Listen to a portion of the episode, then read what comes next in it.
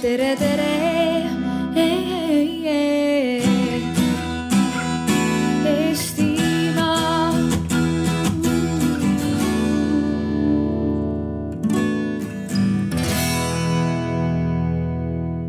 Меня зовут Олег Кудрин, я э, собственный корреспондент Украинского национального информагентства «Укринформ» по странам Балтии и, по стран... и в Эстонии, на территории которой нахожусь. Э, Тема нашей дискуссии э, – полезное сравнение информационные поля воюющей Украины и мирной Эстонии. Э, Прежде всего хочу извиниться за то, что некоторая путаница произошла, но на таких больших мероприятиях это естественно. Настоящий правильный план, программа нашей дискуссии вывешен на сайте. Здесь в буклете немножко напечатано неверно. Это была первая заявка, которая потом несколько месяцев уточнялась. Э, Так, теперь по сути э, вопроса. Сейчас мы проживаем э, столетней давности историю. То есть в прошлом году вспоминали русскую революцию. Сначала демократическую, потом, ну, как кто-то, некоторые считают, антидемократическую контрреволюцию. В этом году мы отмечаем начало гражданской войны э, в бывшей Российской империи и отмечаем ряд независимостей ряда стран. Большой праздник, мы видим здесь, висит 18, и оно же 100 лет, столетие Эстонии. Но не только же Эстонии, других стран, соседних. И Украинская Народная Республика тоже образовалась в этом году и могла бы праздновать свое столетие реально, если бы она смогла устоять. Она, к сожалению, не устояла по ряду сложных причин. А вот э, Укринформ, который я представляю, устоял, и мы тоже празднуем столетие его. А, Да, э, по поводу информационного поля.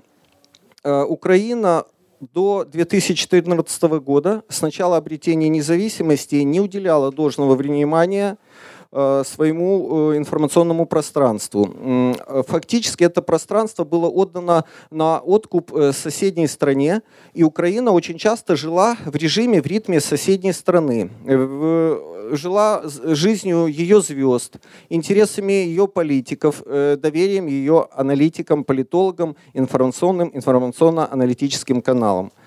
Э, 2014 год показал, насколько это опасно, что это грозит утерей суверенитета и что это может обернуться прямой агрессией. Э, Украина сейчас проходит очень тяжелый, э, болезненный путь реформ после 70 лет советской власти и после 23 лет олигархического управления. Это очень сложно. И, честно говоря, никто у нас не сомневался, что это будет легко. Эстония имеет другой опыт. Э, Эстония является одним из э, показателей, витрин, обложек успешного проведения реформ в Восточной и Центральной Европе. Но вот как раз вот эта сфера, информационное поле и обеспечение его безопасности, как мне кажется, является вот тем вопросом, в котором Эстонии стоит смотреть на опыт, в том числе на опыт Украины, потому что вот э, при сравнении с Украиной лучше видны бреши, бреши э, в контроле своего пространства, которые могут обернуться чем-то негативным. Прежде всего, это то, что, скажем, э, в Эстонии эстоноязычные и русскоязычные медиа, они не аутентичны, как говорят в документах, они совершенно разные. В результате этого формируется два э, информационных поля. Второе, то, что одно из этих информационных полей, вот примерно так же, как было в Украине до 2014 года, находится под большим влиянием соседа. Для Украины северо-восточного соседа, для Эстонии просто восточного соседа. И третье, да, понятно, что Эстония демократическая страна, свобода слова э, это важнейший принцип, но такое впечатление, что нет системной работы, э, программы соответствующей, э, э, которая бы занималась безопасностью своего информационного пространства. И вот это тревожит. У нас будет три основных э, докладчика.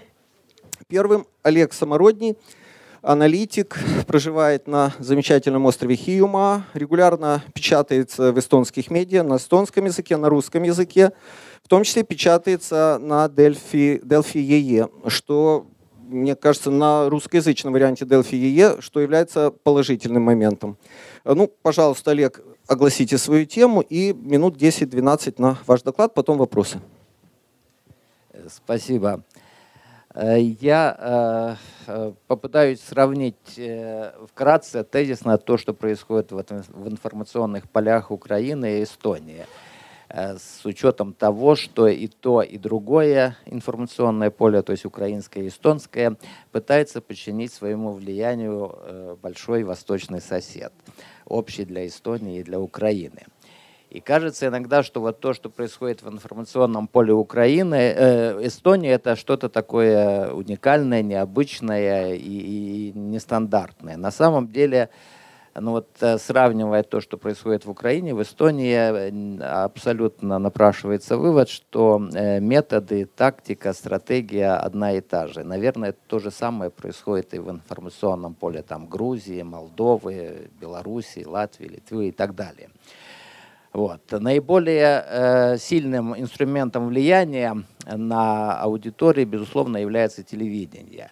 И о том, насколько важно телевидение, свидетельствует хотя бы тот факт, что после оккупации Крыма и попытки захвата юго-восточных областей Украины со стороны России. Э, первое, чуть ли не первое, что делали, это подрывали ретрансляционные телевизионные вышки, чтобы не допустить распространения украинских телеканалов на оккупированных территориях. И э, строили э, вышки, которые транслировали русские, российские телеканалы на территории Украины.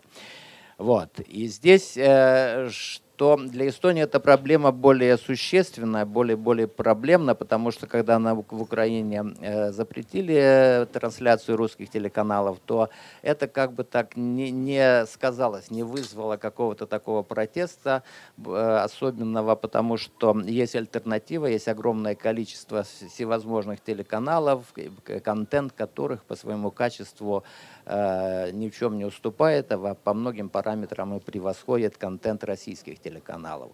В странах Балтии это сделать невозможно, поскольку нет э, альтернативы. Но сейчас вот э, предпринимается попытка как бы создать такую альтернативу э, в облике телеканала ЭТВ+. Надеемся, что это получится. Вот. Но здесь я хотел бы обратить внимание вот на какую еще особенность. Вот первый Балтийский канал, который является российским клоном э, первого российского канала, часто э, вот его работники говорят, что это не российский, а это латвийский канал. Естественно, это вызывает улыбку снисходительную, но то же самое э, по сути, мы наблюдаем и в Украине, когда канал Интер маскируется под украинский канал. Раньше там совладельцами открыто был первый канал, сейчас это Э, выстроенная сложная система э, собственности, но собственники э, бизнесмены, которые зависят от России. И я думаю, что если случится такое в кризисной ситуации, будут как бы предприняты определенные административные меры в отношении Первого Балтийского канала, то наверняка у нас появится какой-то российский канал, который будет маскироваться под местный канал. Вот. Еще что бросается в глаза, как бы э, это э, вот бумажная масс-медиа, клоны российских изданий, которые существуют и в Эстонии, и в Латвии, Э, и огромное количество их существовало, может, некоторые до сих пор существуют в Украине. И здесь вот э, часто говорят, что, скажем, вот в Латвии МК Латвия, в Эстонии МК Эстония, э, что вы как бы так на, на них бочку катите, они такие вот желтенькие газеты, там политики там мало, развлекуха такая и так далее и тому подобное. Вот. Э, здесь я хотел бы вспомнить эпизод э, с газетой «Коммерсант Украина». Вот издательский дом «Коммерсант», либеральное издание, никак не связанное с Кремлем, с Россией и так далее. Вот. Но наверняка вы помните, что «Коммерсант Украина» был закрыт после того, как редакция вот, «Коммерсант Украина» отказалась публиковать э, фейковую информацию, фейковые репортажи, которые пришли из России по поводу событий на Майдане. Вот, и сейчас этого коммерсанта Украины э, нет. Вот. Э, я думаю, что аналогичная ситуация повторится и в Эстонии, и в Латвии. Если вдруг возникнет кризис, то придет э, приказ из Москвы или через Ригу из Москвы, чтобы вот в этих изданиях публиковалось то, что нужно Москве, а не то, что э, происходит э, на самом деле в действительности. И то, что это так, э, я могу вспомнить недавний эпизод, когда МК Эстония отказалась публиковать программу передач телеканала «Это ТВ+. Э, и абсурдность этой ситуации заключается в том, что главный редактор этого издания работает на ЭТВ+, и отказывается публиковать программу этого телеканала. Естественно, это вопрос важный, вопрос принципиальный. Это еще раз доказывает, что местная редакция МК Эстония в принципиальных важных вопросах ничего абсолютно не решает, а выполняет те приказания, которые приходят из Риги или же через Москву, из Москвы через э, Ригу. Вот. Скажем, э, сайты. Вот в Эстонии и в Украине существует огромное количество э, сайтов, созданных на э, ну, якобы информационных сайтов, созданных на российские деньги. Это маргинальные такие сайты, их как бы так мало читают и говорят, ну зачем о, о, них вообще вспоминать, поскольку вот как бы так они ни, ни на что не влияют и не оказывают влияния. Вот. Но иногда случается так, что какая-то информация, э, э идущая из российских пропагандистских источников, ее нужно замаскировать, чтобы она вышла такой в, в международное информационное пространство под видом, скажем, эстонской или украинской. И тогда этот сайт дает эту информацию, и уже российские сайты, которые действительно влиятельны, которых многие читают, слушают и смотрят, они говорят, вот украинские там журналисты написали или же вот там эстонский сайт написал то-то и то-то. То есть как бы так э, и э, механизм вот распространения нужной информации, он как бы так идентичен в Эстонии и, и э, в Украине.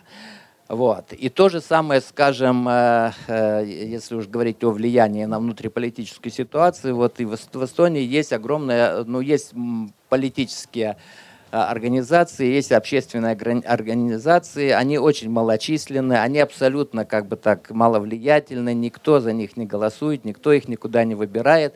И опять же говорят, зачем вот о них вспоминать, зачем о них говорить, так лишнюю рекламу им делать, вот, э, зачем там писать, что они там на русские деньги существуют и так далее и тому подобное.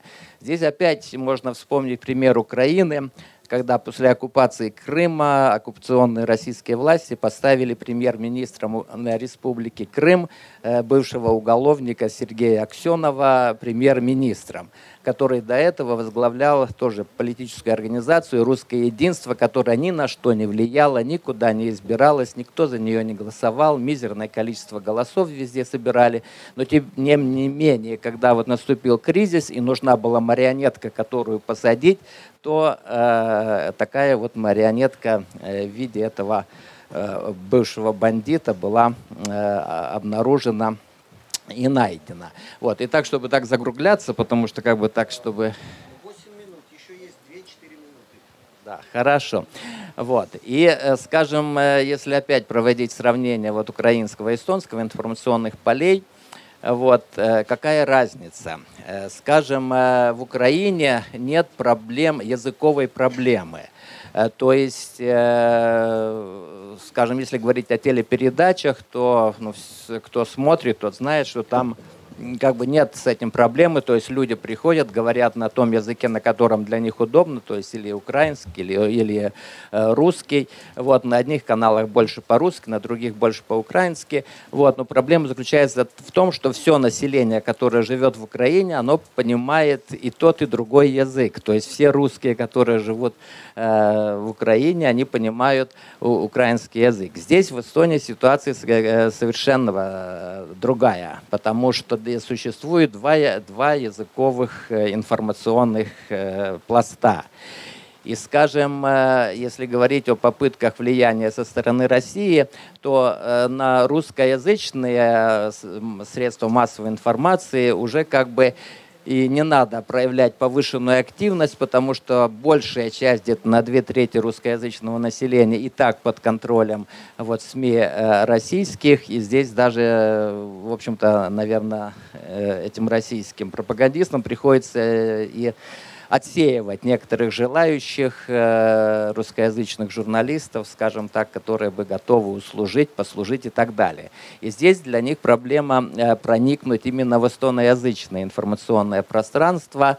И я думаю, что именно э, сейчас э, сконцентрировано на, на этом усилие вот российской э, пропаганды. И в этом как бы так объективное э, ну, преимущество Эстонии пер, перед Украиной, вот, потому что скажем, проникнуть, э, ну, понятно, что русскоязычные средства массовой информации в Эстонии, они менее влиятельны, и если кто-то хочет запустить какую-то информацию э, в информационное поле страны, то это нужно делать прежде всего через эстоноязычные средства э, массовой информации.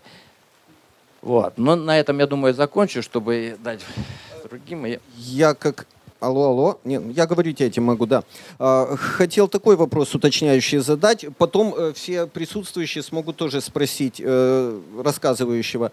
А, в Украине после 2014 года э, многое поменялось. Но понятно, что в условиях воюющей страны был перекрыт контент, достаточно жестко перекрыт контент российский, страны-агрессора, и телевизионный, и газетный, и сериалы, кино и поэтому уже была необходимость искать другие источники распространения информации через третьих лиц, через какие-то подставные каналы Украи... Э, в Украине. Вот. А ситуация в Эстонии иногда кажется очень тревожной, потому что ретранслируются какие-то вещи, какие-то программы, в которых, э, ну, на мой взгляд, говорятся вещи об Эстонии, о демократии, об истории, на мой взгляд, недопустимые. Какие есть возможности, перспективы и вообще есть ли попытки сопротивления сопротивление эстонского государства такому информационному э, жесткому вмешательству? Ну, мне сложно говорить за эстонское государство, но э, да, как, как наблюдатель, тут как бы, но э, здесь э, мы должны четко и ясно понимать, что, э, скажем, демократия, свобода слова, э, либерализм это, это те составляющие, которые выводят страну в разряд цивилизованных.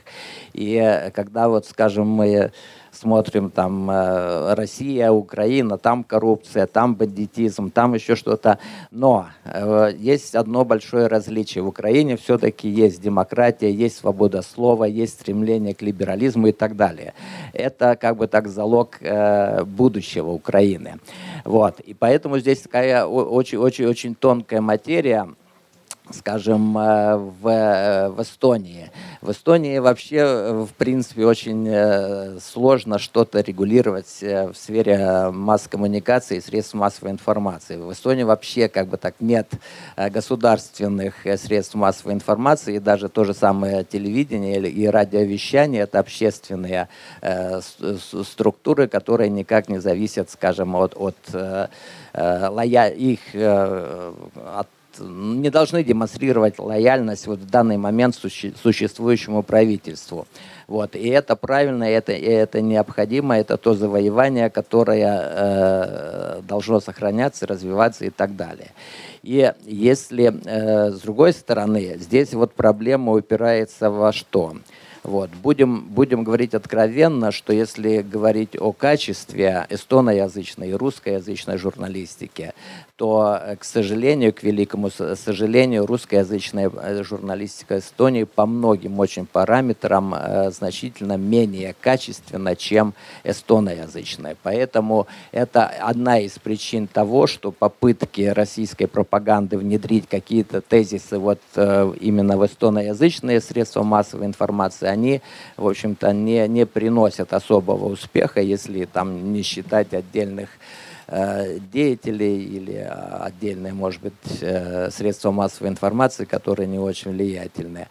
Значит, э, в том, что касается вот русскоязычного информационного поля в Эстонии, то здесь Э, в общем-то, ну, приходится, к сожалению, констатировать, если брать то же самое телевидение, ну, не, не, не выходит на тот уровень, на который может выйти, скажем так, нормальный э, телеканал, который привлечет к себе э, внимание зрительской аудитории.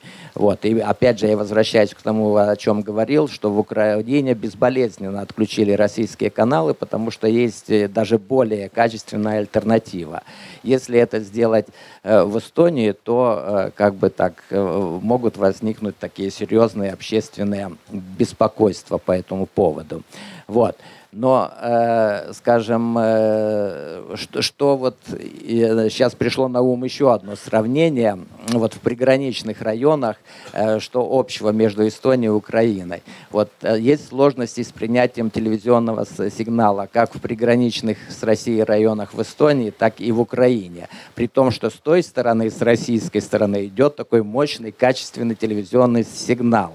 Вот. И как бы так непонятно, почему, э, скажем, и в Украине, и в Эстонии вот этот мощный сигнал, нет этого мощного телевизионного сигнала, который бы, может быть, перекрывал, наоборот, границу российско-украинскую и шел бы туда до Питера, куда-то uh-huh. куда бы добивал. И вот предыдущий, тот же редактор главный ЭТВ+, Дарья Сара, она многократно публично говорила о том, что вот, ну, не, не принимают антенны, которые вот просто на домах стоят, так, в свободном доступе, в свободном доступе этот сигнал это В+.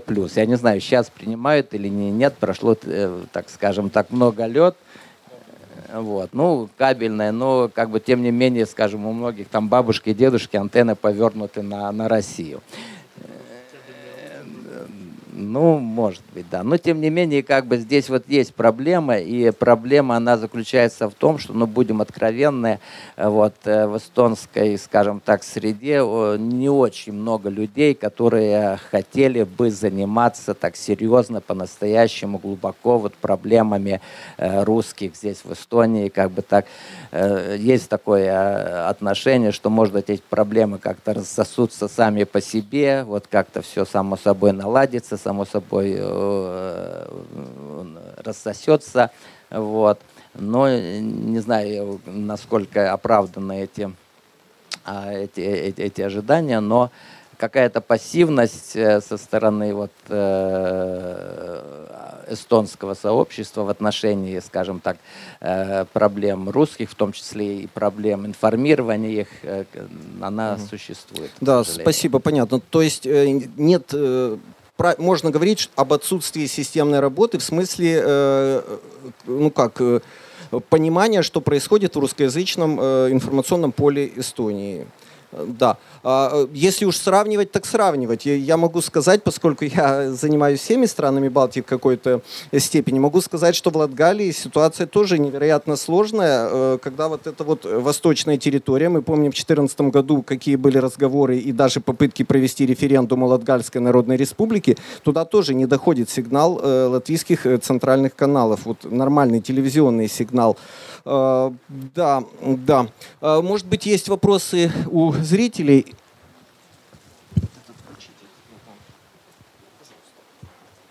Спасибо. У меня, ну, первый у меня не вопрос, наверное, а ремарка.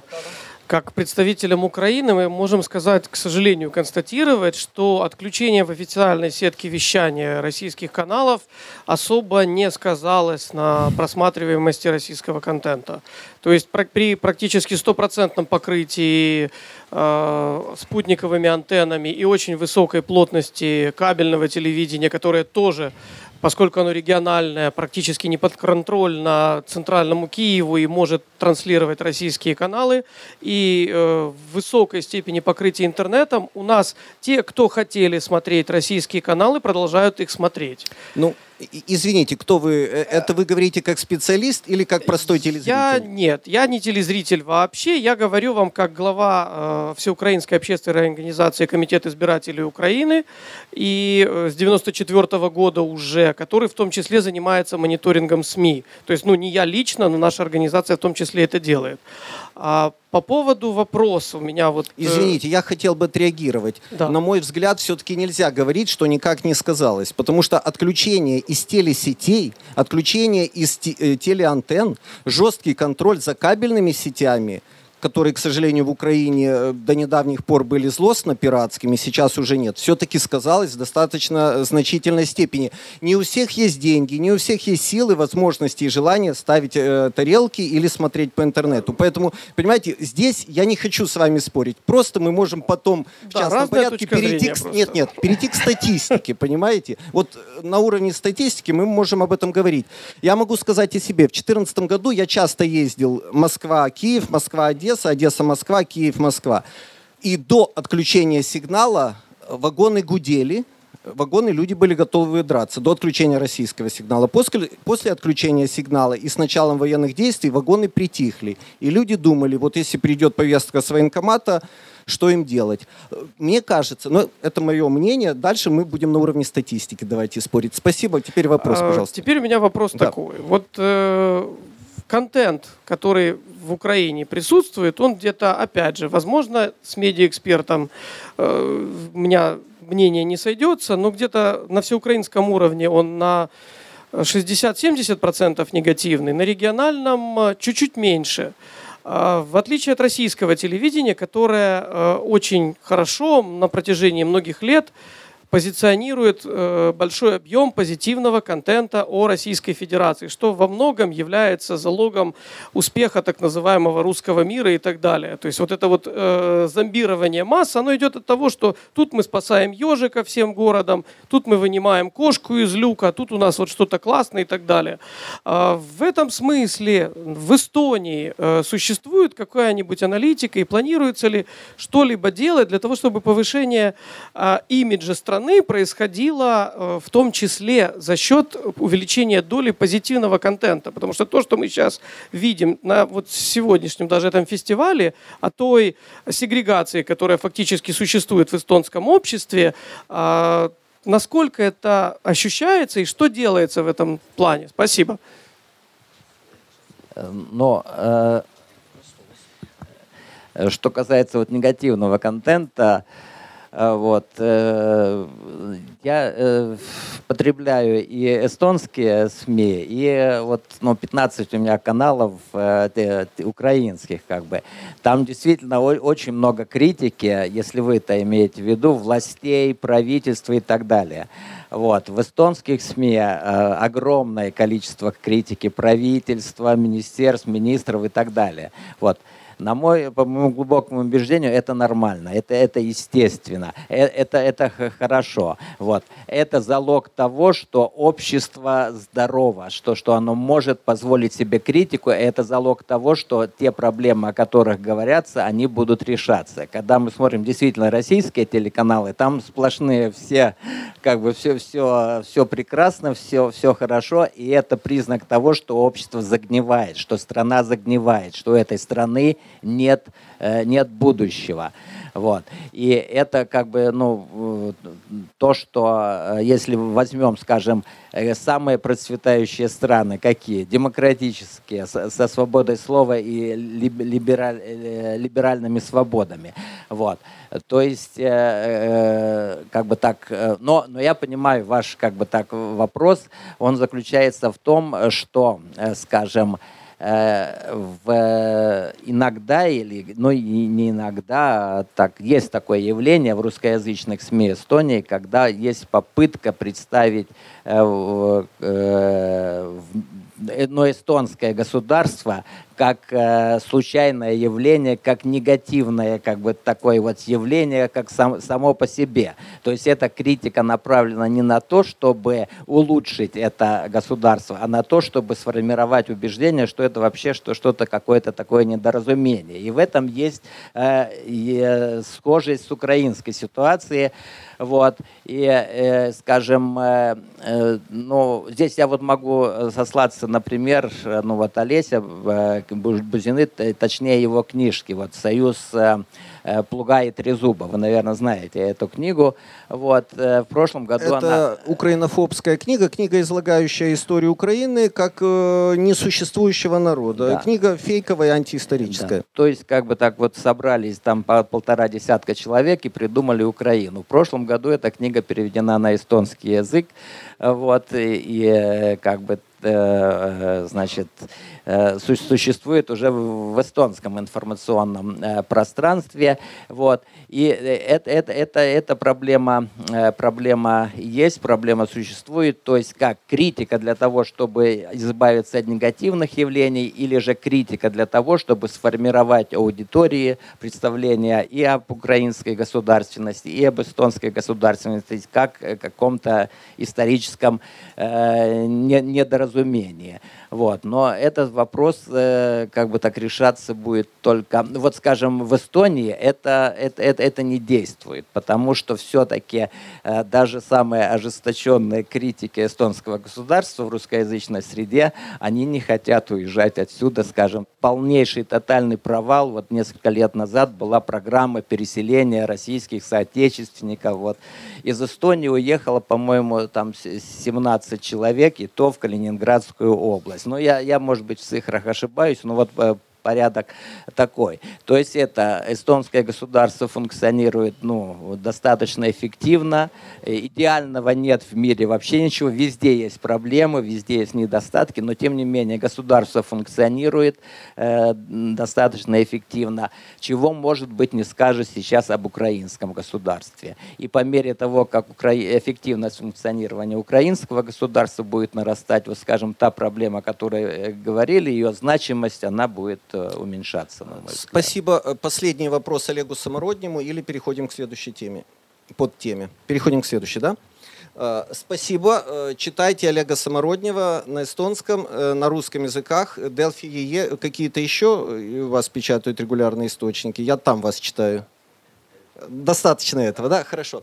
Сейчас Евгений Цибуленко, профессор ТТУ, если не ошибаюсь, расскажет о важности правильных слов правильных слов, терминов, потому что для того, чтобы понимать мир, говорить о мире реальном, нужно употреблять, э, как сказать, нужно понимать одинаково многое происходящее. А иногда э, различные обозначения, знаки, маркеры создают неправильное представление о мире. Пожалуйста. Добрый вечер. Э, действительно, тема моего выступления заявлена как э, точность определений на примере, скажем, сепаратисты, ополченцы или российские оккупанты. А, дело в том, что если мы посмотрим на эстонское медиапространство, и, собственно, не только на эстонское, но и в целом на медиапространство демократического мира, то мы можем увидеть, что Россия, по большому счету, информационную войну уже во многом выиграла. Почему? Потому что она насадила своего рода парадигму. А, и даже многие журналисты, я сейчас не говорю о злонамеренных журналистах, которые специально распространяют э, клевету или ретранслируют э, кремлевскую пропаганду, но даже те журналисты, которые пытаются быть нейтральными, все равно они оперируют терминами, которые по большому счету играют на руку Кремля. Вот самые простейшие примеры возьмем. Да? Как описывается ситуация в Украине? Украинский кризис, конфликт в Украине, как описываются люди, которые там воюют. Какие-то непонятные сепаратисты, ополченцы, а, какие-то повстанцы. Вроде относительно нейтральные определения. Многие журналисты действительно считают, что это что-то нейтральное. На самом деле это не нейтральное, а именно четкая российская парадигма. Почему? Потому что когда мы говорим конфликт в Украине или кризис в Украине, мы называем российскую агрессию – по сути, внутренним делом Украины. То есть мы оставляем главную проблему вот этого конфликта Россию, которая развязала агрессивную войну за скобками. И, собственно говоря, это именно то, что Кремлю и нужно. То есть в этом плане определения очень важны, потому что если мы пойдем по этой скользкой дорожке, то мы так и до гражданской войны дойти можем. Сейчас, конечно, уже редко на Западе можно это услышать. Тем не менее, а, прецеденты такие, к сожалению, случаются. Вот буквально совсем недавно а, на Deutsche Welle вышел материал, где было сказано именно гражданская война в Украине. Конечно, поднялся достаточно серьезный скандал, Deutsche Welle извинилась, вот эту формулировку «гражданская война в Украине» убрала, но все равно поставила вот эту, на ее взгляд, нейтральную конфликт в Украине. Опять-таки, российская агрессия осталась за скобками. Теперь давайте посмотрим, что на самом деле происходит. Пятый год идет война в Украине. А, Причем я вам сейчас говорю не о своей какой-то точке зрения – то, что Россия совершила вооруженную агрессию в Украину, это уже достаточно четко и абсолютно однозначно сформулировано в достаточно большом объеме различных абсолютно официальных международных резолюций таких организаций, как ООН, ПАСЕ, Парламентская ассамблея Совета Европы, ОБСЕ, Европейского Союза, Венецианской комиссии, НАТО и так далее. То есть э, квалификация ситуации как российской вооруженной агрессии дана абсолютно четко, черным по белому. Ну, кто интересно, вот я как раз у себя в Фейсбуке поднял на самый верх памятку, где собрал ссылки на наиболее четкие определения, где это все прямо так и говорится. Более того, одна из достаточно свежих резолюций ПАСЕ, ее буквально в январе этого года приняли, которая так и называется «Гуманитарные последствия войны в Украине», и там в тексте черным по белому написано «Продолжающаяся а, российская война против Украины. И там прямо сказано, что восточные части Донецкой и Луганской области оккупированы Российской Федерацией. То есть черным по белому это написано. Это абсолютно не подразумевает никаких трактовок. И поэтому мы продолжаем говорить о каких-то конфликтах в Украине и о каких-то сепаратистах. Кто вообще такие сепаратисты? Сепаратисты – это люди, которые воюют за какие-то свои интересы, чтобы отделиться, отделить свой регион от центрального правительства. То есть мы можем говорить, скажем, о Восточном Тиморе, который отделялся от Индонезии, там, или о Эритрее, которая отделялась от Эфиопии, Южном Судане от Судана отделявшись. Это были сепаратисты, да. Кто такие люди, которые воюют на востоке Украины в интересах российских оккупантов. Можно их называть сепаратистами? Разумеется, нет. То есть даже если мы говорим о каких-то местных жителях, которые, безусловно, также присутствуют в российских оккупационных войсках, если уж очень нужно умный термин, то есть такой термин иридантизм, который подразумевает именно войну за то, чтобы отделиться от одной страны и присоединиться к другой. Ну, скажем, на определенном этапе в истории Италии часть северных провинции хотели присоединиться к Австрии, из-за этого воевали. Вот это был редантизм. Да? То есть, если уж нужно определить так, то это редантизм, но редантизм это термин малоизвестный, в общем-то, а, редко употребляемый, поэтому я не думаю, что на нем стоит зацикливаться. Поэтому я считаю, что нужно определять абсолютно четко. Если мы говорим о людях, которые воюют на востоке Украины, то это либо российские агрессоры, либо российские оккупанты. То есть в данном случае эти понятия они друг другу не противоречат в украинском контексте. Почему? Потому что Российская Федерация совершила военную агрессию, как я уже сказал, это прописано в официальных резолюциях, это не моя точка зрения, что привело к оккупации части украинских территорий. То есть либо военные российские оккупанты, либо российские агрессоры – это абсолютно четкое, правильное определение, основанное на международных резолюциях. А как определить людей, которые им помогают? Они определяются тоже очень четко. Они либо коллаборационисты российских оккупантов или российских агрессоров, ну, либо, если сказать проще, пособники российских оккупантов или российских агрессоров. То есть все это укладывается в достаточно четкую фразу «российские оккупанты и их пособники». Это очень важно, потому что если мы говорим сепаратисты, мы как бы подспудно подразумеваем, что действительно речь идет о каком-то внутреннем конфликте в территории Украины, и Россия выводится за скобки. Кто же, собственно говоря, воюет на территории Украины среди самых, самих россиян? Опять-таки, тут есть достаточно разные категории э, воюющих. Но первое, это, безусловно, российская регулярная армия. То есть сколько бы Россия не заявляла, что их там нет, в общем-то, уже масса есть доказательств, абсолютно неопровержимых, что там присутствуют российские регулярные войска. Конечно, сложно говорить об их количестве, поскольку э, Граница открыта, к сожалению, они, соответственно, туда-сюда входят, выходят, поэтому, собственные цифры разнятся. Иногда их больше, иногда их меньше. Когда, скажем, идут активные боевые действия, вот, например, во время Иловайской трагедии или во время штурма Дебальцева, российские регулярные войска составляли где-то, по разным оценкам, от 8 до 16 БТГ, батальона тактических групп. То есть достаточно большая военная сила, я должен сказать. А во время затишья, конечно, количество российских регулярных военных уменьшается. Но несмотря на это, сейчас абсолютно все структуры первого и второго армейского корпусов, так называемых, они полностью вписаны в российскую армию, находятся под руководством российских офицеров, все наиболее ключевые позиции э, по высокоточным всяким сложным вооружениям там занимают российские военные.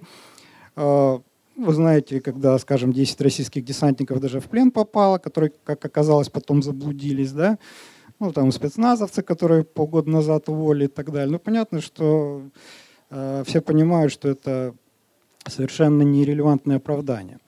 А вторая категория очень существенная – это российские наемники. Э, причем мы здесь можем говорить как о, о приватных компаниях, таких как Вагнер, да. Опять-таки, что такое э, приватная компания в российском понимании? То есть Вагнер это фактически тоже прокси российского государства. Они имеют серьезное вооружение, которое поставляет российское государство, поддержку, они переводятся транспортными самолетами российских ВКС и так далее. Уткин, руководитель Вагнера, сручкается с Путиным на приемах государственных. То есть говорить, что это какая-то частная контора, не приходится. Это, в общем-то, тоже, по большому счету, подразделение российской армии, в дополнение к регулярным войскам, которое делает наиболее грязную работу как в Украине, так и в той же Сирии. Более того, что тоже подчеркивает и доказывает, что это именно по сути государственная структура, это то, что в России есть в Уголовном кодексе статья о запрещении наемничества и о наказании за него. Ни одного человека ни из Вагнера, ни из каких-то других э, структур, сейчас другие есть тоже у них эти компании, никогда наказаны за наемничество не было. То есть это все осуществляется при попустительстве государства. Следующая категория россиян – это просто вот оболваненные люди, которые сами туда едут. Но опять-таки им оказывается помощь, часто они рекрутируются через военкоматы, их спокойно пропускают через границу российская пограничная служба, они спокойно могут заходить, выходить из Украины. То есть, опять-таки, это все делается на государственном российском уровне. Ну и, наконец, как я уже сказал, безусловно, есть оболваненные местные люди, однако, разумеется, сами по себе они не являются отдельной силой. Они находятся под полным контролем Российской Федерации, иначе как коллаборанты или пособники российских оккупантов и агрессоров, их нельзя называть, это просто неправильно и ведет к заблуждениям. А, тут опять-таки надо понимать, что ситуация в Украине развивалась, а, как вы знаете, а, такими этапами. Первый был оккупация Крыма, где непосредственно участвовали российские регулярные войска с самого начала. Ну, при этом, как вы знаете, Россия тоже говорила, что их там нет достаточно долго, пока лично Путин не признал, что это такие были российские военные части. На востоке Украины Россия действовала немножко более замаскированно, то есть начиналось с того, что в Украину стали проникать службы спецопераций Российской Федерации, которые захватывали админздания, службы силовых структур, раздавали оружие вот этим местным коллаборантам. А, опять-таки наемники туда заходили. А, кроме того, проходили очень серьезные обстрелы с территории Российской Федерации трансграничной, на которую украинские войска, к сожалению, не могли отвечать, потому что это бы моментально было использовано как э, повод для вторжения в Украину. Кстати, вот недавно вышел буквально на днях э, доклад ООН о нарушениях прав человека и о о нарушениях международного гуманитарного права. И в этом докладе абсолютно четко сказано, что вот были эти трансграничные обстрелы, и что во время Иловайской трагедии а, в Украину зашли российские регулярные части. То есть на уровне каких-то международных документов это абсолютно четко прописано. Поэтому каких-то сомнений в этом быть не может. И поэтому я, в общем-то, призываю всех, особенно я заканчиваю. Спасибо особенно представителям средств массовой информации. Вот не идти на поводу этой российской парадигмы и называть вещи своими именами. Это позволит прояснить ситуацию и, в общем-то, э, позволит не приводить вот таким ошибкам и непониманию людей. Потому что ну, вы знаете, что люди всегда говорят, ну, правда где-то посередине. И вот особенно, когда вот используется этот принцип BBC, вот мы скажем правду, а потом еще прогоним как альтернативную точку зрения российскую дезинформацию. Да? Что в результате получается? В результате получается, что средний обыватель говорит, ну, правда, наверное, где-то посередине. Да? То есть получается, что вот эта двойная обработка идет. То есть российские каналы, которые присутствуют в полном объеме, дают полностью вот это вранье. А эстонские каналы, пытаясь вот использовать этот принцип BBC, дают как правду, так и вранье опять-таки. То есть получается, что три четверти вранья на один четверть какой-то адекватной информации. Что в результате получается? В результате получается, что ну, вот одни говорят, земля круглая, другие говорят, земля плоская. Ну что, правда, где-то посередине, да? Наверное, она квадратная может быть, или какая-нибудь там прямоугольная. Получается ровно то же самое. То есть надо понимать, что, вот, э, возвращаясь к предыдущему вопросу, как с этим бороться, вот где граница свободы слова. Свобода слова – это, безусловно, базовый принцип демократии, с этим никто не спорит. Но демократические э, в общем-то, наши принципы подразумевают и то, что мы должны выполнять законы и должны выполнять свои международные обязательства. Есть такой э, Международный пакт о гражданских и политических правах 1966 года. Это один из самых базовых документов о правах человека, если не самый базовый. И там, безусловно, есть глава о свободе слова. Это глава 19. Сразу за ней идет глава 20, где прямо сказано, что пропаганда войны, пропаганда национальной ненависти и так далее должна быть запрещена. То есть это не право государства, это обязанность государства это делать. А, то же самое есть в эстонской конституции. Есть статья эстонского пенитенциарного кодекса о том, что такие действия должны наказываться. Однако никакой нет правоприменительной практики, эти статьи, к сожалению, не работают. То есть, грубо говоря, получается, что Эстония не выполняет свои международные обязательства, не выполняет свою конституцию, не выполняет свой пенитенциарный кодекс, что, безусловно, является достаточно а, неприятным моментом. Спасибо. Таким образом, Евген, э, в чем-то продолжил тему, заявленную Олегом, а, о том, что есть э, какие-то есть средства. И, кстати, снова-таки сравнивать так сравнивать. В Литве, насколько я знаю, там чаще э, обращают внимание на разжигание национальной вражды, на призывы к пересечению границ, в частности, по каналу РТР «Планета». И там запрещают регулярно РТР «Планета» на год, на полтора года. В Эстонии, к сожалению, на это смотрят сквозь пальцы пока. Какие есть вопросы? Евгений Цибуленко нету пока, да? Э, тогда у меня есть вопрос. Э, Евген, а скажите, пожалуйста, а каковы шансы на то, что в ближайшее время ну, в Эстонии и в других демократических странах Запада э, перейдут к более точным определениям, терминам, которые не будут играть на руку агрессору? В общем-то, это достаточно сложный вопрос. Тут у нас есть э, журналист аудитория, вижу, Екатерина подошла. Может, вы скажете, будет теперь на ЕРР использоваться, скажем, конфликт в Украине или российская агрессия? Как вы будете определять эти события? Да, я не слышала, к сожалению, начала этого обсуждения, поэтому мне сейчас сложно, э, может быть, дать адекватный такой комментарий, но я могу сказать, как представитель ЕРР, как журналист, который на ЕРР работает, что э, мы все-таки стараемся нейтрально освещать э, разные события, так сказать, не навешивать ярлыки на э, агрессор, не агрессор, и предоставлять право решать аудитории, соответственно, ну, да, то есть этот вопрос, чей Крым и Украины, в принципе, остается на усмотрение телезрителя. Понимаете, я почему, собственно говоря, задал этот вопрос? Потому что во время своего выступления объяснял, что говорить конфликт в Украине это как раз не нейтральное определение. Это определение, которое ретранслирует пропаганду Кремля, потому что выводит виновника агрессии за скобки определения.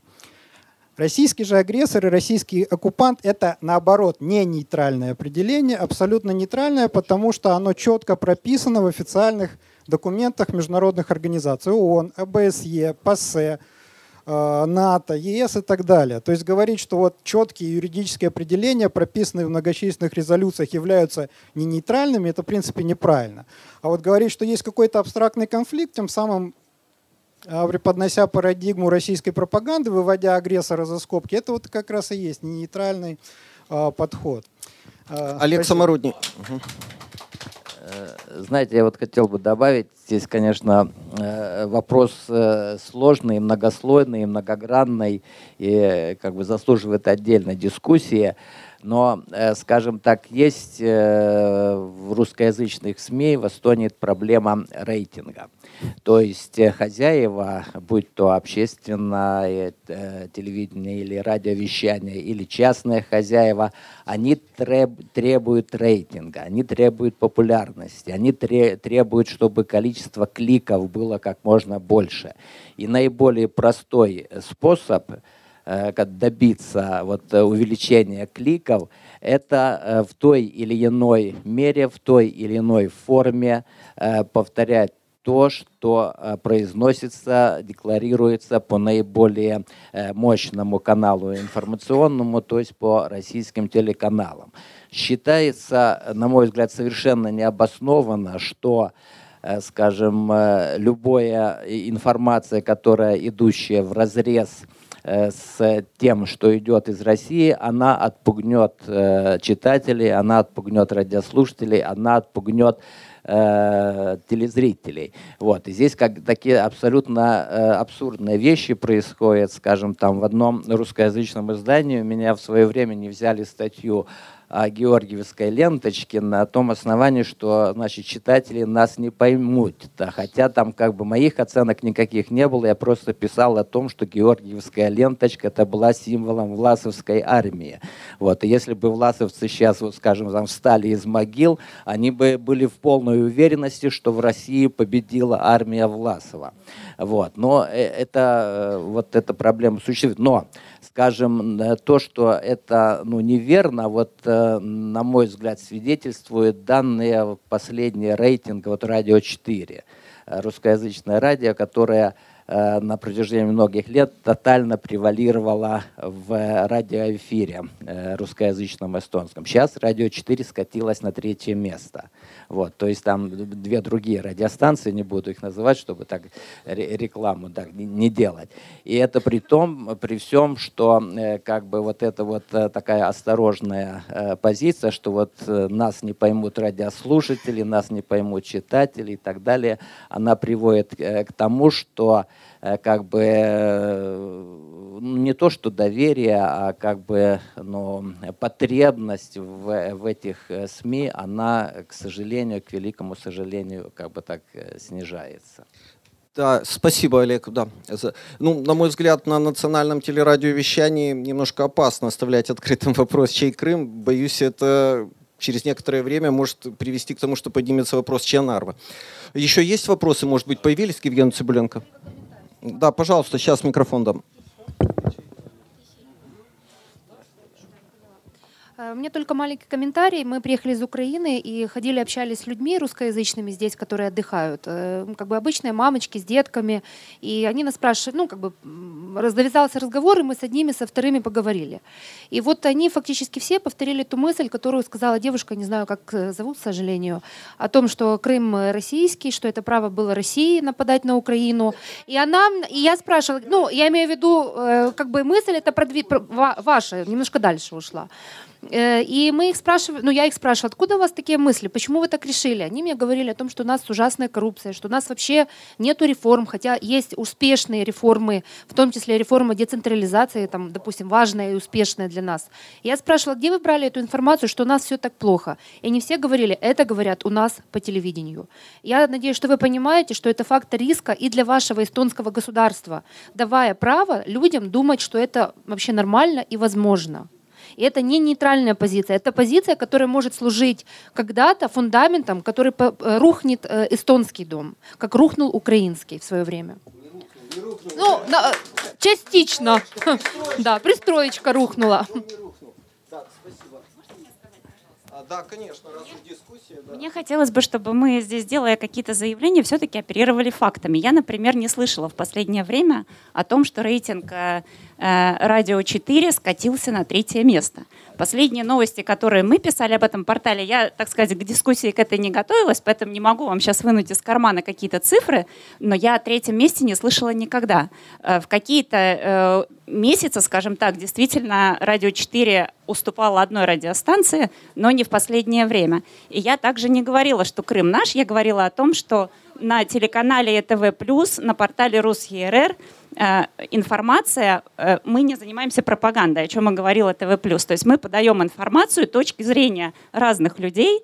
Э, пожалуйста, вы можете...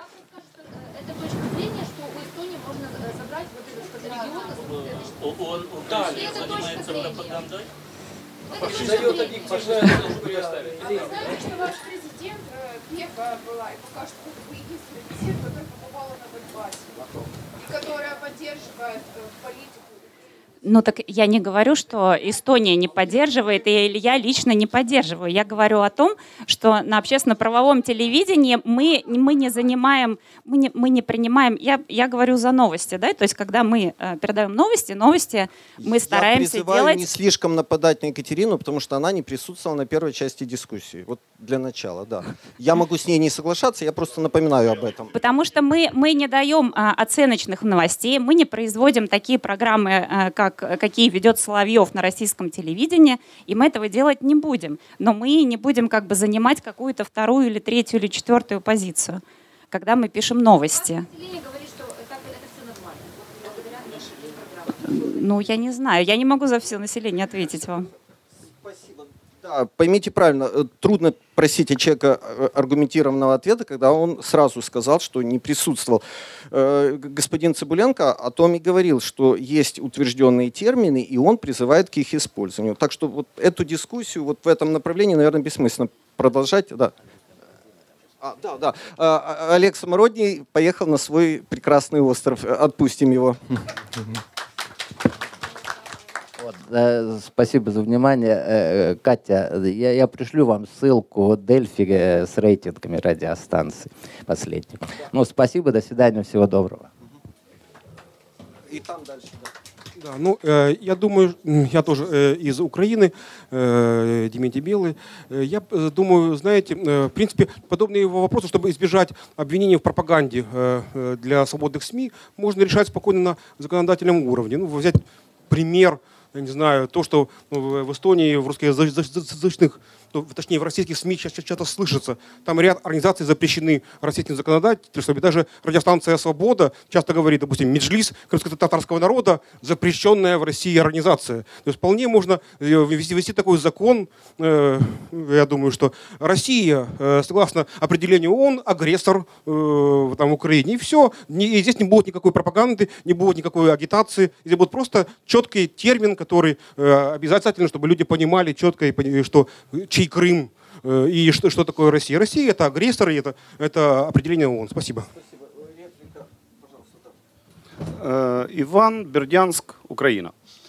Э, когда в России был конфликт с республикой Ичкерия, Чечня, то, в общем-то, никто не, никто не говорил о том, что это не российская территория, не состав Российской Федерации. Говорили о нарушении прав человека. Понятно, да? То есть это их территория. Почему кто-то может решать, э, что он может, потому что у нас коррупция? Как бы не было у нас плохо, это не дает никому права растаскивать территорию. Проблема с Украиной была в чем? Э, с ДНР, ЛНР там, или с Крымом. В том, что, ну да, так называемым, или э, неважно. Важно в том, что, не в том, что им не нравится киевское правительство. Пусть идут, можно второй Майдан, можно выборы. Проблема в другом флаге. Вы предали родину. То есть, ну, я живу рядом с ними, и я не понимаю, почему они взяли автоматы. Вот это вот раз. Во-вторых, мы тут немного спорили во время предыдущей дискуссии. Надо четко понимать, что можно говорить на любом языке, на русском или украинском, на немецком. Важно, как гражданином какой страны ты себя чувствуешь. Язык это культурный аспект. И третье. Молдава, Приднестровье, там что было право, Украина, Крым, Грузия, Абхазия, Осетия. Каких из этих территорий сейчас мы видим успешную политику Российской Федерации? То есть ведет ли э, силовая аннексия к процветанию? Да нигде и ни разу. Ну, то есть э, все говорят о том, что там где-то хорошо. Ну, сначала съездите туда, где хорошо, и как бы, хотя это тоже не оправдывает ни в коем степени право территории на суверенитет. Спасибо. Ну и у нас, в общем, я понял, мы, украинцы, сюда съехали, чтобы на территории прекрасной Эстонии, увидев эту прекрасную башню, э, кто не знает, город Пайда – это великий город э, в истории Европы. Здесь был убит э, палач, последняя сволочь Малюта Скуратов. Вот, к сожалению, да, вот прямо вот здесь, понимаете, мы находимся у истоков демократии. Ну, к сожалению, это привело к тому, что комендант этой крепости Виссенштайн был зажарен на медленном огне и не менее жестоким пыткам были подвергнуты остальные захваченные в плен. Вот так впервые пришел московский мир сюда. Вот. Но сейчас не об этом. Я хотел бы дать слово, мы изначально планировали дать слово активистам украинской громады. Вира Конык, к сожалению, ну, немножко приболела.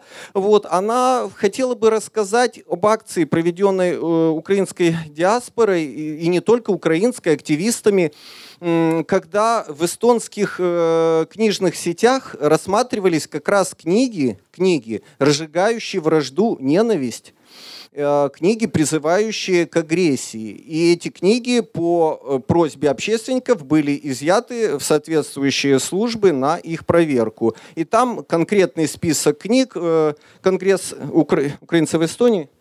Я просто тоже этим занимался. Тут небольшая неточность. Спецслужбы это изымали, сами торговые сети пошли навстречу и брали Спасибо, это международный юрист, юрист-международник, поэтому да, он скажет точнее. И хотел дать слово Э, Сергею Ищенко, э, украинцу, который давно, после армии, кажется, да, с 85 года проживает в Эстонии, еще когда был Советский Союз, но, тем не менее, не теряет связи со своей родиной. А он родом с, как это раньше называлось, Днепропетровщины. И город Днепр... Э, да, да, потом, потом, сейчас, не, не, не нарушаем течение дискуссии. Вот. Э, город Днепр сыграл огромную роль в истории новейшей Украины. Это фактически, если так можно сказать, стал украинский Сталинград, хотя бои туда не дошли, я не знаю, или украинский украинский Урал до, да, до границы области, потому что если бы в, в Днепре, в тот момент Днепропетровске, не началось то, что началось, добровольческое движение, э, то очень трудно в условиях разрушенной предыдущей властью армии, спецслужб, было бы отстоять независимость Украины. Э, Сергей э, хорошо знает многих волонтеров, активистов в Украине, он хорошо знает информационное поле Украины и в то же время информационное поле Эстонии. Ну и хочет он сказать еще об одном фильме, замечательном, насколько я знаю, поэтому ну, не, небольшое выступление. Э, да. Я хочу сказать, сам, сам из Днепра да, родом. И вот именно в 2014 году мне довелось в августе-сентябре находиться в Днепре. Так, и как раз э, вот самолеты, которые вылетали туда, они прямо летели на высоте вот этой вот башни. Они летит два самолета часа в три ночи, а утром мы смотрим, возвращается уже один. И мы новости уже не смотрим, знаем. Летали они бомбить вот эти вот колонны, которые заходили с оружием с России. Там прямо, прямо летчики рассказывали это все. Вот. Видели, когда прилетали вертолеты с ранеными, весь город стоял. Все ждали, пока не привезут скорую с ранеными. Все, от мала до велика. Неважно, кто он там, спекулянт, бандит, или просто рабочий человек, или предприниматель, все помогали, сдавали кровь полгорода стояло в очередях, чтобы сдать кровь. Сколько было добровольцев. У меня друзей, друзья шли, просились в армии, но там отбор шел. Батальоны уже специально отбирали по физическим кондициям. Вот что я хочу, вот такая меня мысль э, посетила. А почему город Днепр стал вот, э, разнонациональный, разноязыкий, евреев полно, русских, россиян, татар живет, украинцев. А почему весь город сплотился и стал таким Сталинградом? А вот и тут, значит, когда вот фильм «Лазницы» появился «Донбасс», я вот посмотрел, я понял, сто процентов. Просто увидели, что несет вот этот русский мир. А, прошу прощения, секундочку. Знаменитый российский, э, вернее как, э, режиссер, э, родившийся в Беларуси, учившийся в Украине, закончивший в ГИТ, начинавший в России, сейчас переехавший в Украину. Сергей Лазница. Его последний фильм «Донбасс», который демонстрировался на Канском фестивале. И я надеюсь, приедет на кинофестивале стран Балтии. Продолжай. Вот. Я, я когда смотрел, я еще этого фильма не могу нигде найти увидеть, но отрывки фильма смотрю, снимался он в Кривом Роге. Я учился в Кривом Рогу в Народном институте, получил направление, попал сюда, в Эстонию. Да, горноинженер я, Марк Шейдер. Вот. Вот. И, и как раз я работал на той шахте, которую вот снимали в этом фильме. Я так вот это все вижу. И там именно показано то, что происходит сейчас в, это, в так называемых ДНР, ЛНР. Я не понимаю, почему это разные республики, что языки разные или что. Не могу понять. Вот. И именно вот этот весь театр абсурда, когда бывшие э, сторожа стали великими командирами, как э, продавец курей стал великим там президентом, Плотницкий, которого прямо все так демократически выбирали, а потом вдруг он бац, и исчез, и где-то в Подмосковье прячется, неизвестно от кого. Все, все как бы на пока. И самое интересное, что этого всего нету в информационном эстонском пространстве. Вот если бы хотя бы вот этот фильм показали, то я думаю, наверное, 50% ватных людей в Эстонии, они бы уже перестали ждать русский мир. Реально, потому что что, что он несет, ну, ну, у меня много товарищей, с которыми я работал уже здесь, в Эстонии, э, Силамяе, в Нарве живут. Ну, некоторые достаточно небедные бизнесмены, как я, занимаются бизнесом. Вот, и они мне рассказывают, ну, встречаемся иногда, разговариваем, а, а он был на практике на Донбассе. Говорит, да, его тоже Сергей зовут. Мы теперь все моторолы, мы с вами воюем. Я говорю, Сережа, что ты мне говоришь?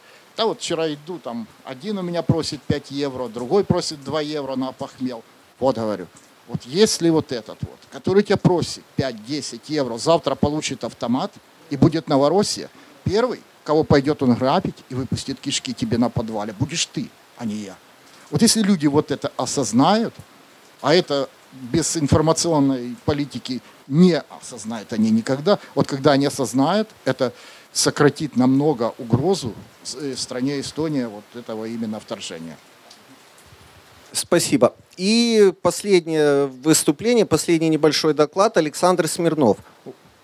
Он э, работал э, много в русскоязычных э, медиа Эстонии и видит и знает ситуацию изнутри. Он расскажет о системных сложностях, недостатках русскоязычного информационного пространства Эстонии и о таком понятии, как медиагигиена – очень важным. И в последнее время появляется много э, новых слов, часто не успеваем их переваривать. И э, хочу обратить внимание, что в предыдущих выступлениях мы уже, уже выходили на эту тему, как-то сложности, отсутствие системной работы в русскоязычном пространстве Эстонии. И я надеюсь, может быть, какие-то ответы мы услышим в выступлении Алекса. Добрый вечер. Спасибо, что предоставили возможность поговорить о действительно пространстве, э, медиапространстве, информационном пространстве, которое у нас здесь есть в Эстонии. Э, но меня прям сразу по поводу того, дискуссии уже так развелась, э, горячая тема, украинский горячий воздух прям вот прошел сквозь э, этот, этот прохладный, да, вот э, со Скандинавии спустившийся нам э, фронт, но и уже, да, действительно, вот э, э, в первую очередь хотел бы Екатерину действительно э, защитить от этого, потому что реально она не говорила слов о, о, о том, что Крым наш или чей Крым. Если говорить на системном уровне, то я немножко позже расскажу, в чем проблема, в том числе и ЕРР. Но э, в первую очередь я бы хотел ответить вот даме, которая, собственно, с вопросом, э, значит, э, почему вы такие здесь, да, то есть, грубо говоря, почему здесь такие люди, как они могут жить в этом вот. Вот представим себе, что э, мы все говорим о медиапространстве, да? Мы его покрываем, раскрываем, режем, сегментируем и так далее. Но мы никто не смотрим на человека изнутри. А он, э, вы не поверите, он ватный, да. То есть, в каком смысле? Эм, э, все люди в той или мере, э, или иной мере любят Ленина или не любят Ленина, мороженое тоже любят или не любят. И в какой-то степени э, отношение к войне в Украине именно таким же образом и здесь формируется. То есть, если люди смотрят э, Первый канал, э, Первый Балтийский канал, то они, в принципе, понимают, что там что-то не так, потому что ПБК как-то пытается все-таки немножечко играть на местном уровне. Если они смотрят только РТР или только НТВ, кстати, если вы посмотрите РТР и НТВ, они там очень часто приглашают теперь украинских экспертов, этих бедных людей, вот, э, чтобы на них орать, да, то есть это, это, конечно, удивительные передачи, которые у них, да, но они даже пытаются что-то рассказать, вот, когда на них Жириновский орет, то есть это, это, конечно, ну, просто зоопарк, э, а не передачи, вы не поверите, люди извините, женщины старше 50 в силу некоторых причин очень любят смотреть эти передачи, когда люди кричат друг на друга. Вот я не знаю, может быть, какие-нибудь психологи нам объяснят, что такое. Э, я хочу объяснить, что э, действительно доступность э, информации о Украине достаточно низкая по многим объективным причинам. А если говорить о том, кто виноват, вот, то это не, даже не эстонское государство, не российское государство, а это действительно э, люди, которые определяют нашу медиаполитику. Это в первую очередь те люди, которые наполняют контентом э, эти сети. Э, в их э, власти включить ТВ+, не включить ТВ+, включить украинские каналы или не включить в общий пакет, который платят те же пенсионеры по минимальной цене. И в итоге э, вот таким образом, собственно говоря, и э, но это мы говорим о людях старше, скажем так, 35, извините. Люди, которые тут играли в игру, которая нам показалась смешной некоторым, а, они, к сожалению, все ушли, если вы не заметили. В медиа играем только мы с вами. А, этим людям уже не нужны эм, вот эти вот э, большой брат, который что-то говорит. На самом деле большой брат очень сильно замаскировался. Сейчас он живет в Фейсбуке, я вам расскажу. Он, он, так, он так мягко им стелит, что они даже не понимают, что... Ну, они говорят, да, это отстой смотреть телевизор, это отстой смотреть э, газеты, даже, в общем-то, и входить в интернет тоже, в общем-то, отстой. Потому что у меня есть лента в Фейсбуке, или там с большим э, сожалением могу сказать, может быть, у кого-то в ВКонтакте есть, то есть человек не понимает, что он, например, пишет прям конкретно в ФСБ. Ну, и так далее. В любом случае, люди даже не понимают, что они, с кем они разговаривают, с кем они коммуницируют. У них есть друзья, они думают, что они им посылают информацию. На самом деле, конечно же, это все э, модулируется, как мы сейчас э, выяснили, и это все, все эти скандалы подтвердили нам о том, что именно так в Америке управляли выборами, и именно так, э, собственно говоря, происходит. А в чем как бы проблема? Давайте на глобальном уровне посмотрим. То есть я вижу э, жертвы, которые принесены в Украине за независимость и очень сожалею о них. Но я, к сожалению, вижу общую тенденцию, которую это производит эм, некая организация, которая захватила власть в России. Скажем так, я бы так, типа, так ее определил. Э, да. Э, извините, но Украина была не первая. Украина была первая, кто так поверил в Россию. Ну, в смысле, вот в этот э, русский мир. И этим поплатилась, собственно говоря. Эстония имеет пример э, намного раньше, в 2007 году. Впервые э, гибридная война была отработана как раз в Эстонии. И э, эти безобидные люди, э, совершенно не понимая, что они делают, вышли и погромили все, все витрины. Причем они были уверены, что э, они делают это, э, они за правду сражаются. То есть как же это так можно? Эстонское государство тоже очень постаралось, чтобы это сделало, чтобы это было произведено. То есть оно три месяца тащило этого несчастного солдата с одного места на другое, где это можно было сделать значительно быстрее. Но, то есть это была обоюда, если говорить э, откровенно, это была обоюда выгодная операция. А, политические партии, которые были тогда при власти, получили свой рейтинг – потому что они удачно значит, успокоили неверных. А, соответственно, я в тот момент, например, работал в России, я выключал просто радиовещательную точку, по которой мне все время рассказывало, что происходит на площади имени Теннисомяги. То есть, то есть люди, которые живут в России, там, они, в общем, как бы в Уфе должны были знать, что происходит в Эстонии. То есть три месяца людям рассказывали, как это памятник тащили. И это было из России. И почему-то здесь тоже не ускорялись для этого. Ну, то есть э, тут можно говорить о заговорах, о всем, о всем чем угодно. Э, в данный момент у нас вообще политическая партия просто прямой э, партнер э, Единой России возглавляет. И ничего, как-то мы живем. Э, наши все-таки политики, слава богу, не управляют нами государство в Эстонии достаточно сильное, и надеюсь, что мы переживем и этих политиков, как переживали других. Но дело все в том, что э, э, вот у той страны, которая, э, которая у той организации, которая захватила власть России, всегда были э, странные понимания происходящего, да, то есть вот как вот Дзержинский там э, э, парень в кожаном пальто, да, приезжал в Швейцарию и потом кутил на эти деньги, которые он отбирал бандитским способом у людей в 2018 году. А вот, это тоже факты, в общем-то, известные. Так и, собственно говоря, пропагандистская машина работала великолепно, ну как великолепно, в, еще в годы буржуазной республики. Э, эстонское радио Коминтерн вещало из Санкт-Петербурга, э, из Ленинграда, простите.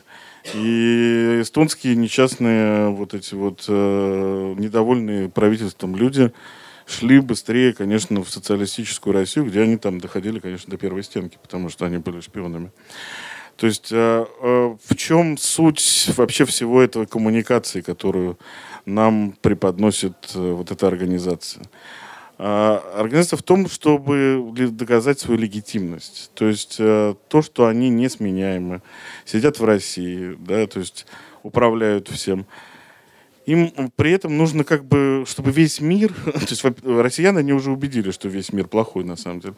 Теперь э, ситуация в том, что весь мир начинает убеждаться в том, что он действительно плохой.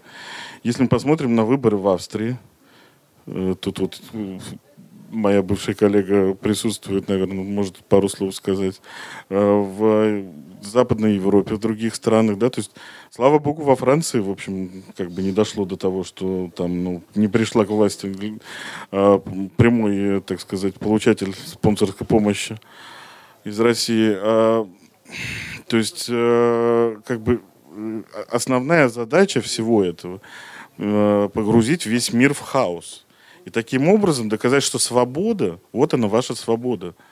Вот есть у нас великий ну, а одна мумия скоро сменит другую, наверное, я надеюсь. А вот, то есть, ну, в общем, какая-то вот у нас есть э, голова нашего вот э, паханата. И, собственно говоря, мы там вот э, всем вам рассказываем о том, как при них жить хорошо. Люди, которые живут в Эстонии, вы не поверите, они, я вот обращаюсь опять к даме, которая так возмущалась, что у нас в Эстонии такие люди, они, знаете, не лучше, чем у вас, и не хуже. Потому что в Украине, к сожалению, таких людей тоже достаточно, и вы об этом прекрасно знаете. Ситуация в том, что э, действительно русской прессой э, категорически отказывались заниматься люди, которые э, должно бы, было бы по обязанностям этим заниматься. То есть а, здесь у нас действительно, с одной стороны, либеральная атмосфера, которая, в общем, предполагает, что люди сами что-то хотят делать. К сожалению, таких э, людей э, среди русскоязычного населения, которые, ну, что такое 300 тысяч, это один маленький город в Украине, да, э, ну, мало из них действительно талантливых журналистов, что уж там говорить. Вот. А чужаков мы не любим которые вот приезжают, тут вот был один, вот он уже ушел, например. Вот, ну, что, их везде не любят, да, то есть, а в, собственно говоря, русскими медиа руководили люди, либо за эти 30 лет, э, либо люди, которые, извините, ну, в силу их возможностей, они контактировали с криминальным миром, либо, соответственно, они вот как-то все еще помнили, как их принимали на работу через ЦК и другие органы. Вот, и, соответственно, извините, но основная проблема Эстонии в том, что до сих пор у нас не раскрыты списки людей, которые были связаны с КГБ. И мы не можем точно указать, кто и где и когда. А таких людей даже в руководстве ЕРР достаточно.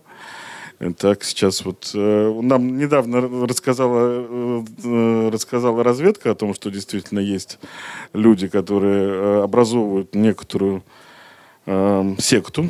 Вот. И, честно говоря, на сердце отлегло все-таки. Хоть кто-то у нас об этом в курсе, потому что даже со стороны внешнего наблюдателя было это ясно, что люди некоторым образом повязаны, прямо скажем. Ну вот если действительно рассмотреть все наше пространство, которое окружает бедного человека, э, конечно, ну, телевидение это все-таки для старшего поколения. Прям, да, оно очень э, сильное, но все-таки это уже прошедший э, как бы тренд смотреть телевизор. Всегда в Эстонии было сильным радио. И радио это одна из основных медийных э, эм, э, точек, которые выходят э, в эстонском обществе конкретно, да, то есть и в Финляндии, и в Эстонии очень сильно радио. В силу которых причин действительно 25 лет создавалось радио 4 на основе долгое время им руководила незаурядная личность Мария Вельмет, которая, к сожалению, покинула нас. А я поражался ее уму, честно говоря, работая под ее вот э, началом. Это человек, который помнил все всегда и владел венгерским языком. В венгерском языке 47 букв. Попробуйте что-нибудь сказать по-венгерски. Вот. Э, так что, ну, это, это был действительно колоссальный человек. Любой человек, который его заменил, заменил бы, ну, мало справился бы с тем объемом, который она несла на себе. А, Юлия Бали, главный редактор сейчас, она пытается сделать, и мы видим эти попытки, и уважаем ее за то, что она пытается все эти э, традиции сохранять, но у каждой метлы свое, свое поведение. Э, поэтому, ну, наверное, что-то ей кажется нужно менять, и вот она несколько меняет. Если эти сведения о том, что Радио 4 скатилось на третье место, действительно правдивы, ну, я, я действительно тоже, тоже печальное известие. Однако хочу сказать, что ЕРР в целом, тут уже защита, наверное, и Екатерина, тогда действительно, конечно, оно позволяет себе критиковать правительство. Ну, как вы понимаете, из одного кармана э, деньги выкладываются, и в Эстонии такая ситуация, что реклама на общественно-правовом телевидении и радио запрещена. То есть единственный источник поступления э, средств – это Э, это государственный бюджет. Поэтому э, э, насколько заинтересованы те или иные партии в финансировании, нам неизвестно. Мы знаем, что сейчас ведущая партия, она как продолжала через городской бюджет финансировать ПБК, так и продолжает. Издается газета «Столица» с неуравновешенным главным редактором Э, на российские, на, на, на городские деньги, э, где действительно прямым текстом, ну, то есть э, вываливается вот именно вот эта вот идеология хаоса, потому что она вроде как популярна среди читателей старше 60 лет. Давайте скажем так, откровенно, вот, вот этот паровоз, конечно, который летел, его бы, конечно, уже отправить я могу вам сказать, что э, одним из основных э, все-таки э, средств массовой информации, который сложился в 21 веке, был, как ни странно, комментариум в Дельфи.